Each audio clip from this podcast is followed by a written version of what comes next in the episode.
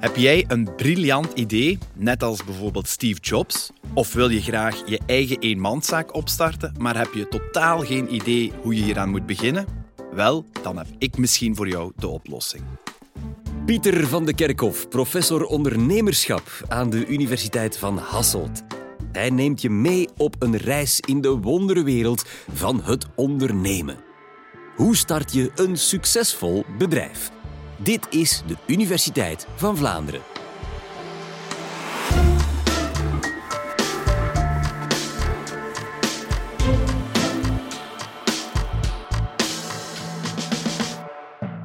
Hoe start je een succesvol bedrijf? Wel, dat is uiteraard een vraag van 1 miljoen.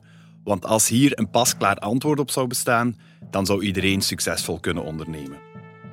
Ik moet jullie dus teleurstellen, er is geen eenduidig antwoord op deze vraag. Ondernemerschap is geen exacte wetenschap. Er zijn meerdere facetten waarmee rekening moet gehouden worden. Maar niet getreurd, want ik ga verschillende succesfactoren bespreken die samen ervoor kunnen zorgen dat je je kansen om een succesvolle onderneming te starten aanzienlijk kan vergroten. Bovendien zijn deze factoren van toepassing op een breed te interpreteren groep van ondernemingen. Bijvoorbeeld zowel ondernemingen die een product als ook ondernemingen die een dienst aanbieden. Ook qua soort onderneming kan het toegepast worden op een innovatieve start-up, tot een kledingzaak, tot zelfs een ondernemend project binnen een vereniging. Specifiek focus ik in deze podcast op de hard skills, of de technische bagage die het fundament van uw onderneming of ondernemend project kunnen vormen.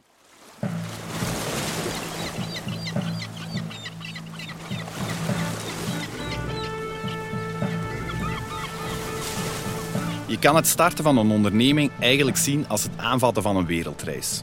Wanneer je van plan bent om maandenlang de wereld te gaan ontdekken, is het eerst en vooral belangrijk om na te denken wat je allemaal wil meenemen.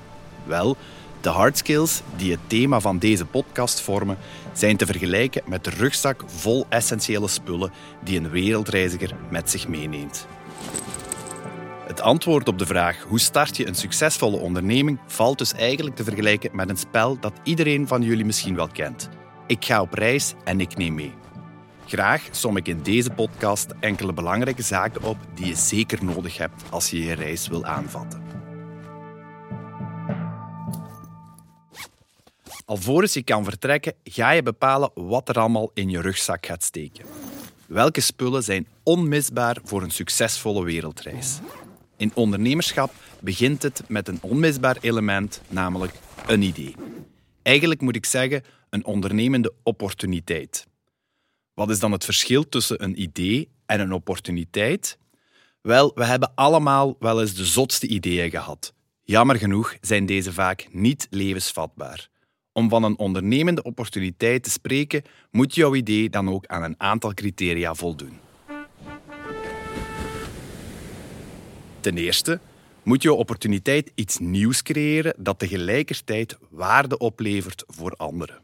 Je kan dus bijvoorbeeld iets bestaand onder de loep nemen en het net op een iets andere manier proberen aanpakken. Bijvoorbeeld shampoobars maken in plaats van vloeibare shampoo. Hoe meer je iets bestaand exact gaat nabootsen, hoe minder kans op succes. Verder moet het voor zoveel mogelijk mensen waarde opleveren, anders heb je niet voldoende klanten. Een oplossing creëren voor iets waar alleen jij baat bij hebt, zal dus niet voldoende zijn om een onderneming op te richten. Wanneer jouw idee aan deze criteria voldoet, is de eerste stap gezet. Nadien moet je ook in kaart brengen of het idee realiseerbaar als ook financieel haalbaar is. Neem nu bijvoorbeeld de SpaceX van Elon Musk. Naast zijn Tesla's is Musk de laatste jaren volop bezig met het produceren van ruimtevaartuigen. Zo'n idee omvormen tot een onderneming is helaas niet voor ieder van ons weggelegd, omdat we bijvoorbeeld niet de productiecapaciteit, laat staan de financiële slagkracht hebben zoals een multimiljardair als Elon Musk.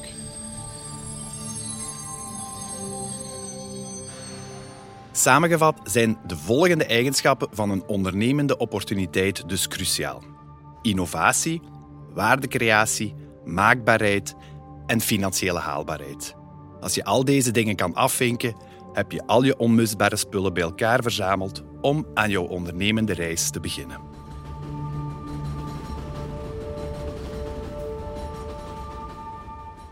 Maar hoe kom je nu tot zo'n ondernemende opportuniteit? Grosso modo zijn er drie verschillende manieren. De meeste ondernemende opportuniteiten ontstaan doordat iemand een probleem of een frustratie waarmee hij of zij regelmatig geconfronteerd wordt wenst op te lossen. De juiste oplossing wordt echter niet gevonden, dus gaat hij of zij zelf aan de slag door een oplossing te bedenken en te creëren. Zo ontwikkelde bijvoorbeeld een groepje student-ondernemers bij mij een handig hulpmiddel om vrouwen te helpen bij een frustratie die velen ervaarden. Het niet kunnen aandoen van een eigen armband zonder hulp te vragen. Met een zeer eenvoudig product zorgden mijn studenten ervoor dat elke vrouw haar eigen armband zelfstandig kon aandoen. Een heel simpele oplossing waarvan wel 200 stuks op drie maanden tijd werden verkocht. Dus de juiste oplossing voor een relevant probleem. De tweede manier betreft het detecteren van trends in de maatschappij en daarop inspelen. Deze trends kunnen bijvoorbeeld technologisch, ecologisch of sociaal van aard zijn. Zo hebben we tijdens de coronacrisis gezien dat het aantal ondernemingen dat inspeelt op het aan huis leveren van eten enorm is toegenomen, omdat ze inspeelden op de sociale trend dat we meer tijd thuis doorbrengen. Tot slot de derde manier, die in de volksmond het gat in de markt vinden genoemd wordt. Dat is echter de uitzondering op de regel. Veel startende ondernemers denken dat ze het warm water moeten uitvinden om succesvol te zijn. Een misvatting die ik bij deze de wereld wil uithelpen. Het is niet voor iedereen weggelegd om de nieuwe Steve Jobs of Elon Musk te worden. Every once in a while, a revolutionary product comes along that changes everything. Maar wanneer dat lukt, is de kans op succesvol ondernemen uiteraard zeer groot. And we are calling it iPhone. Eens je een opportuniteit hebt, is het ook belangrijk die te beschermen. Als je op reis gaat, is het bijvoorbeeld ook belangrijk om je rugzak goed af te sluiten, dus noods met een extra slot. Een ondernemende opportuniteit kan je beschermen via intellectuele eigendomsrechten, vaak afgekort als IP. Basisbescherming betreft het beschermen van jouw merk. Zo kan je de naam van jouw onderneming als ook die van jouw product of dienst registreren. Je zorgt er dan voor dat niemand anders dezelfde naam kan gaan gebruiken. Er is bijvoorbeeld in de telefoniesector geen merk dat de naam Apple of iPhone zomaar mag gebruiken. Ook bepaalde slogans, logo's, kleuren of geluiden die typerend kunnen zijn, kunnen beschermd worden. Dit via trademarks. Zo heeft Google bijvoorbeeld niet alleen de naam Google, maar ook het lettertype en de kleurvolgorde waarin het woord Google geschreven is, beschermd met zulke trademarks. Naast het beschermen van je merk is er nog een belangrijk soort van intellectuele eigendomsrechten, namelijk een patent of een octrooi. Velen denken dat er een verschil is tussen beide, maar dat is niet het geval. Maar wat is dat dan juist, een patent? Laat het me even uitleggen aan de hand van een voorbeeld. Toen de Senseo op de markt kwam, nam Douwe Egberts een patent op de koffiepads, waardoor ze exclusiviteit verworven. Dit betekende dat enkel Douwe Egberts deze koffiepads mocht maken. Dat zorgt uiteraard voor een enorm competitief voordeel. Zulk patent is echter beperkt in de tijd, waardoor na het opheffen ervan ook andere producenten konden starten met het ontwikkelen van koffiepads voor Senseo-apparaten. Samengevat is het dus heel belangrijk om je opportuniteit zo optimaal mogelijk te beschermen. Want hoe beter beschermd, hoe meer kans op succes. Laat je dus zeker adviseren door een IP-expert. Goed, al je spullen zitten in de rugzak, de rugzak is veilig afgesloten. Wat ontbreekt er dan nog? Wel, als reiziger is het belangrijk om je route in kaart te brengen. Zeg maar een roadmap van je reis te maken. Als ondernemer is het ook belangrijk om zo'n roadmap in de vorm van een businessmodel uit te werken. Een succesvol businessmodel bevat tal van elementen. Alexander Osterwalder heeft hier bijvoorbeeld het businessmodel Canvas voor ontwikkeld. Dit Canvas stelt ondernemers in staat om op een heel laagdrempelige manier de belangrijkste bouwstenen van een businessmodel weer te geven. Over welke bouwstenen heb ik het dan?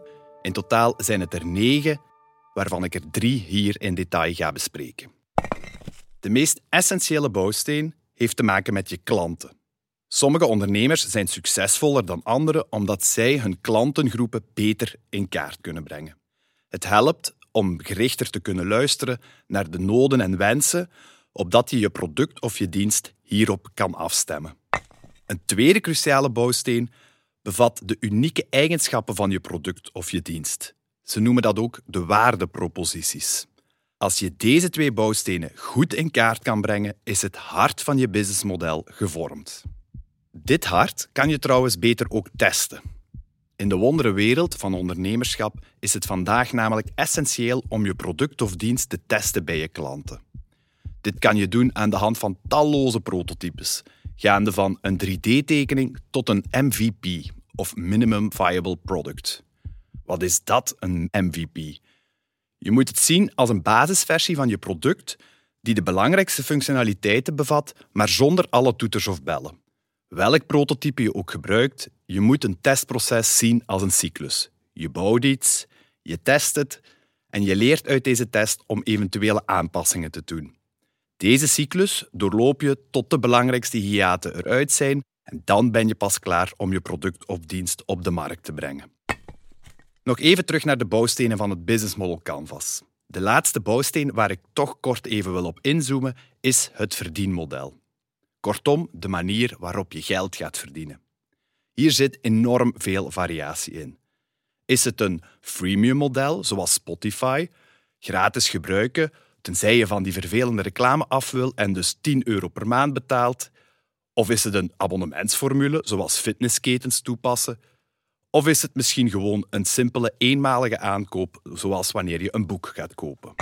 De overige bouwstenen van het Business Model Canvas omvatten onder andere de kanalen via welke je gaat verkopen, communiceren of je product gaat leveren, als ook de relaties die je met je klanten opbouwt. Verder is er nog een belangrijk drieluik dat focust op de interne keuken van het bedrijf.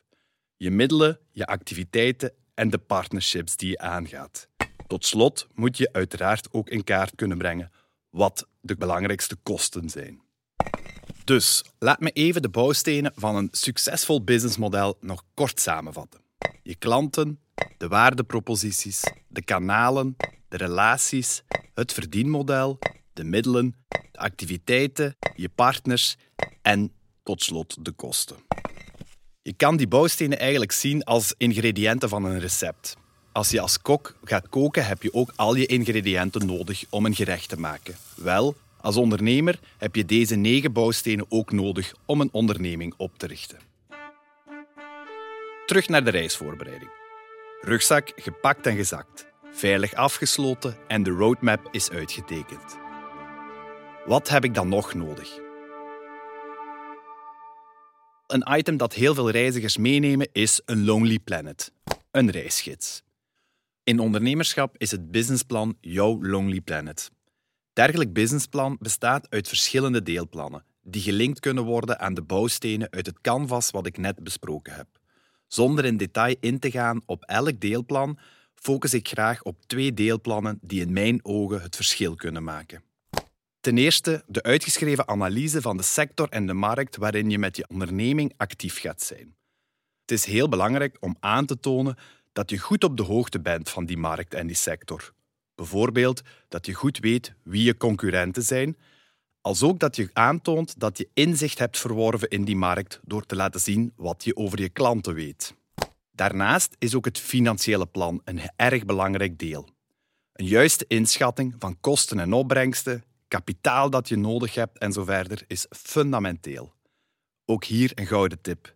Indien je zelf niet voldoende financiële kennis hebt, laat je dan bijstaan door bijvoorbeeld een accountant. Dat brengt me al bij de laatste succesfactor van deze podcast, namelijk het geld. Een wereldreis kost geld, veel geld. Als je een budget hebt opgesteld, rest de vraag: waar haal ik het geld? Betaal ik alles zelf? Krijg ik hulp van familie of vrienden? Zoek ik iemand die mijn reis gaat sponsoren?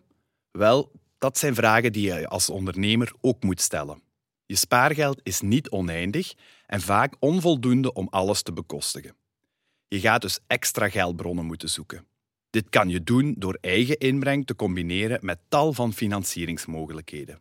Bijvoorbeeld dus geld van je ouders, familie of vrienden, een banklening of ervaren ondernemers die geloven in jouw idee en geld willen investeren in jouw bedrijf. Zo, de reisvoorbereiding kan hiermee worden afgerond. Je rugzak is gepakt en beveiligd.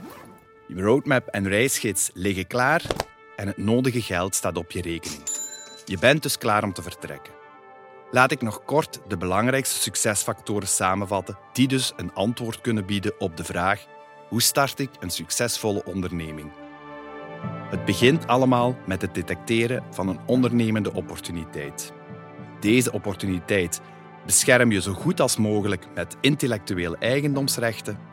Vervolgens werk je een businessmodel en een bijhorend businessplan uit. En tot slot zoek je de financiële middelen die nodig zijn om jouw avontuur te kunnen aanvatten. Veel reisplezier.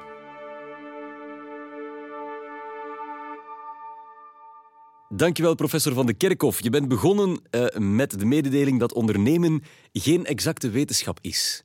Verwachten mensen dat soms? Wel, ik denk dat sommige mensen wel hopen dat dat zo is, omdat je dan natuurlijk uh, heel goed in kaart kan brengen hoe het zou moeten. Maar helaas is dat niet het geval, want het is een onzeker avontuur waar je aan gaat beginnen. Het begint allemaal met die ondernemende opportuniteit, het idee. Maar hoe weet je nu of je idee goed genoeg is? Vanaf wanneer is het onderscheidend genoeg om te zeggen van het is tijd om een onderneming te starten? Wel, ik zeg altijd, hoe meer klanten dat voor jou bevestigen, hoe zekerder je bent. Eigenlijk komt het erop neer dat niemand daar een antwoord op heeft buiten degene voor wie je het, de oplossing gaat maken of voor wie je een product of dienst aan het maken bent. Het zijn de gebruikers eigenlijk die gaan bevestigen of het een goed idee is en of er ook geld aan verdiend kan worden. Want opnieuw, als je iets maakt wat maar tien mensen interesseert, dan heeft het geen zin om daar een bedrijf rond op te starten.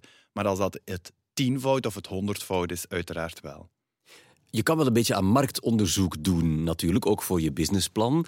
Eh, wat is een laagdrempelige manier om de markt te onderzoeken? Hoe doe je dat? Er zijn verschillende manieren, maar bijvoorbeeld een aantal diepte-interviews, zeg maar gewoon een fatsoenlijk gesprek met een aantal mensen hebben, is al een enorme grote meerwaarde. En tegenwoordig met de social media is het ook heel gemakkelijk om via Facebook of Instagram een aantal polls of vragen te lanceren. En dan ga je al heel veel uh, informatie krijgen, denk ik.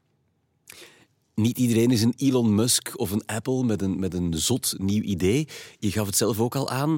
Uh, het kan soms in iets heel kleins zitten. Een idee hoeft niet super origineel te zijn als het maar een heel klein beetje origineel is. Een beetje, zeg maar, een soort van innovatieve twist eraan geven is al meer als voldoende. Want het komt er zelfs op neer dat, laten we zeggen, 80 tot 90 procent van de ideeën die gelanceerd worden vaak gewoon het verbeteren is van iets wat al bestaat het, het verhaal van een iPhone of een Tesla, dat is iets wat ja, dat is iets disruptief, noemen ze dat dan in moeilijke taal. Maar dat is voor weinigen weggelegd. Maar de meeste ondernemers hebben gewoon iets efficiënter gemaakt dan hetgene wat al bestond. Je had het uitgebreid over de bescherming van onze intellectuele eigendom, eh, IP. Moet ik daar als kleine start-up wel mee bezig zijn? Dat zijn toch dingen voor grote bedrijven, voor later. Kan ik dat niet later doen? Wel, klopt, maar meestal uh, als je het niet van in het begin doet, is het vaak te laat. Want van het moment dat je oplossing bijvoorbeeld al op de markt is, kan je bijvoorbeeld geen patent meer aanvragen. Want het, mag, het gaat over een uitvinding, dus het mag niet gepubliceerd zijn, want dan is het zelfs al niet meer patenteerbaar. Heel veel startende ondernemers laten zich ook afschrikken door de kost die daarmee te maken, die daaraan verbonden is. Want het kost wel wat geld om een patent aan te vragen. Ik schat bijvoorbeeld al maar minstens rap 50.000 euro. Maar het rendement daarop is wel enorm groot natuurlijk, omdat je een soort van monopolierecht kan verwerven. Dus het is echt wel belangrijk om dat van in het begin te doen. Uiteraard als jouw uitvinding patenteerbaar is. En de kleine ingrepen die je kan doen, zoals je naam beschermen, je logo beschermen, dat is zeker niet de grootste kost. Dus het zou eigenlijk dom zijn om dat niet te doen. Tot slot, Elon Musk in Vlaanderen of een Tesla of een SpaceX in Vlaanderen. Kan dat? Absoluut. Ik denk dat wij al in Vlaanderen ehm, heel wat technologieën in huis hebben om iets disruptief, iets heel innovatief te creëren. Ehm, en ik denk dat wij als Vlaming gewoon net iets minder bescheiden moeten zijn. En dan ben ik er zeker van dat er wel een aantal Elon Musks zullen opstaan. Dankjewel, professor Pieter van de Kerkhof. Volgende week kom je nog eens langs en dan leg je ons uit uh, dat je helaas er nog niet helemaal bent met deze tips alleen, want je hebt ook soft skills nodig. Welke dat precies zijn, dat kom je dan te weten. Als je nu al meer wil weten over ondernemen, luister dan zeker eens naar podcast nummer 20. Daarin vertelt Piet Pauwels hoe je wereldmarktleider wordt met je jonge bedrijf. Wil je onze onderneming ook mee succesvol maken? Volg dan deze podcast en geef hem positieve review. De firma dankt u. Heel graag tot een volgende keer.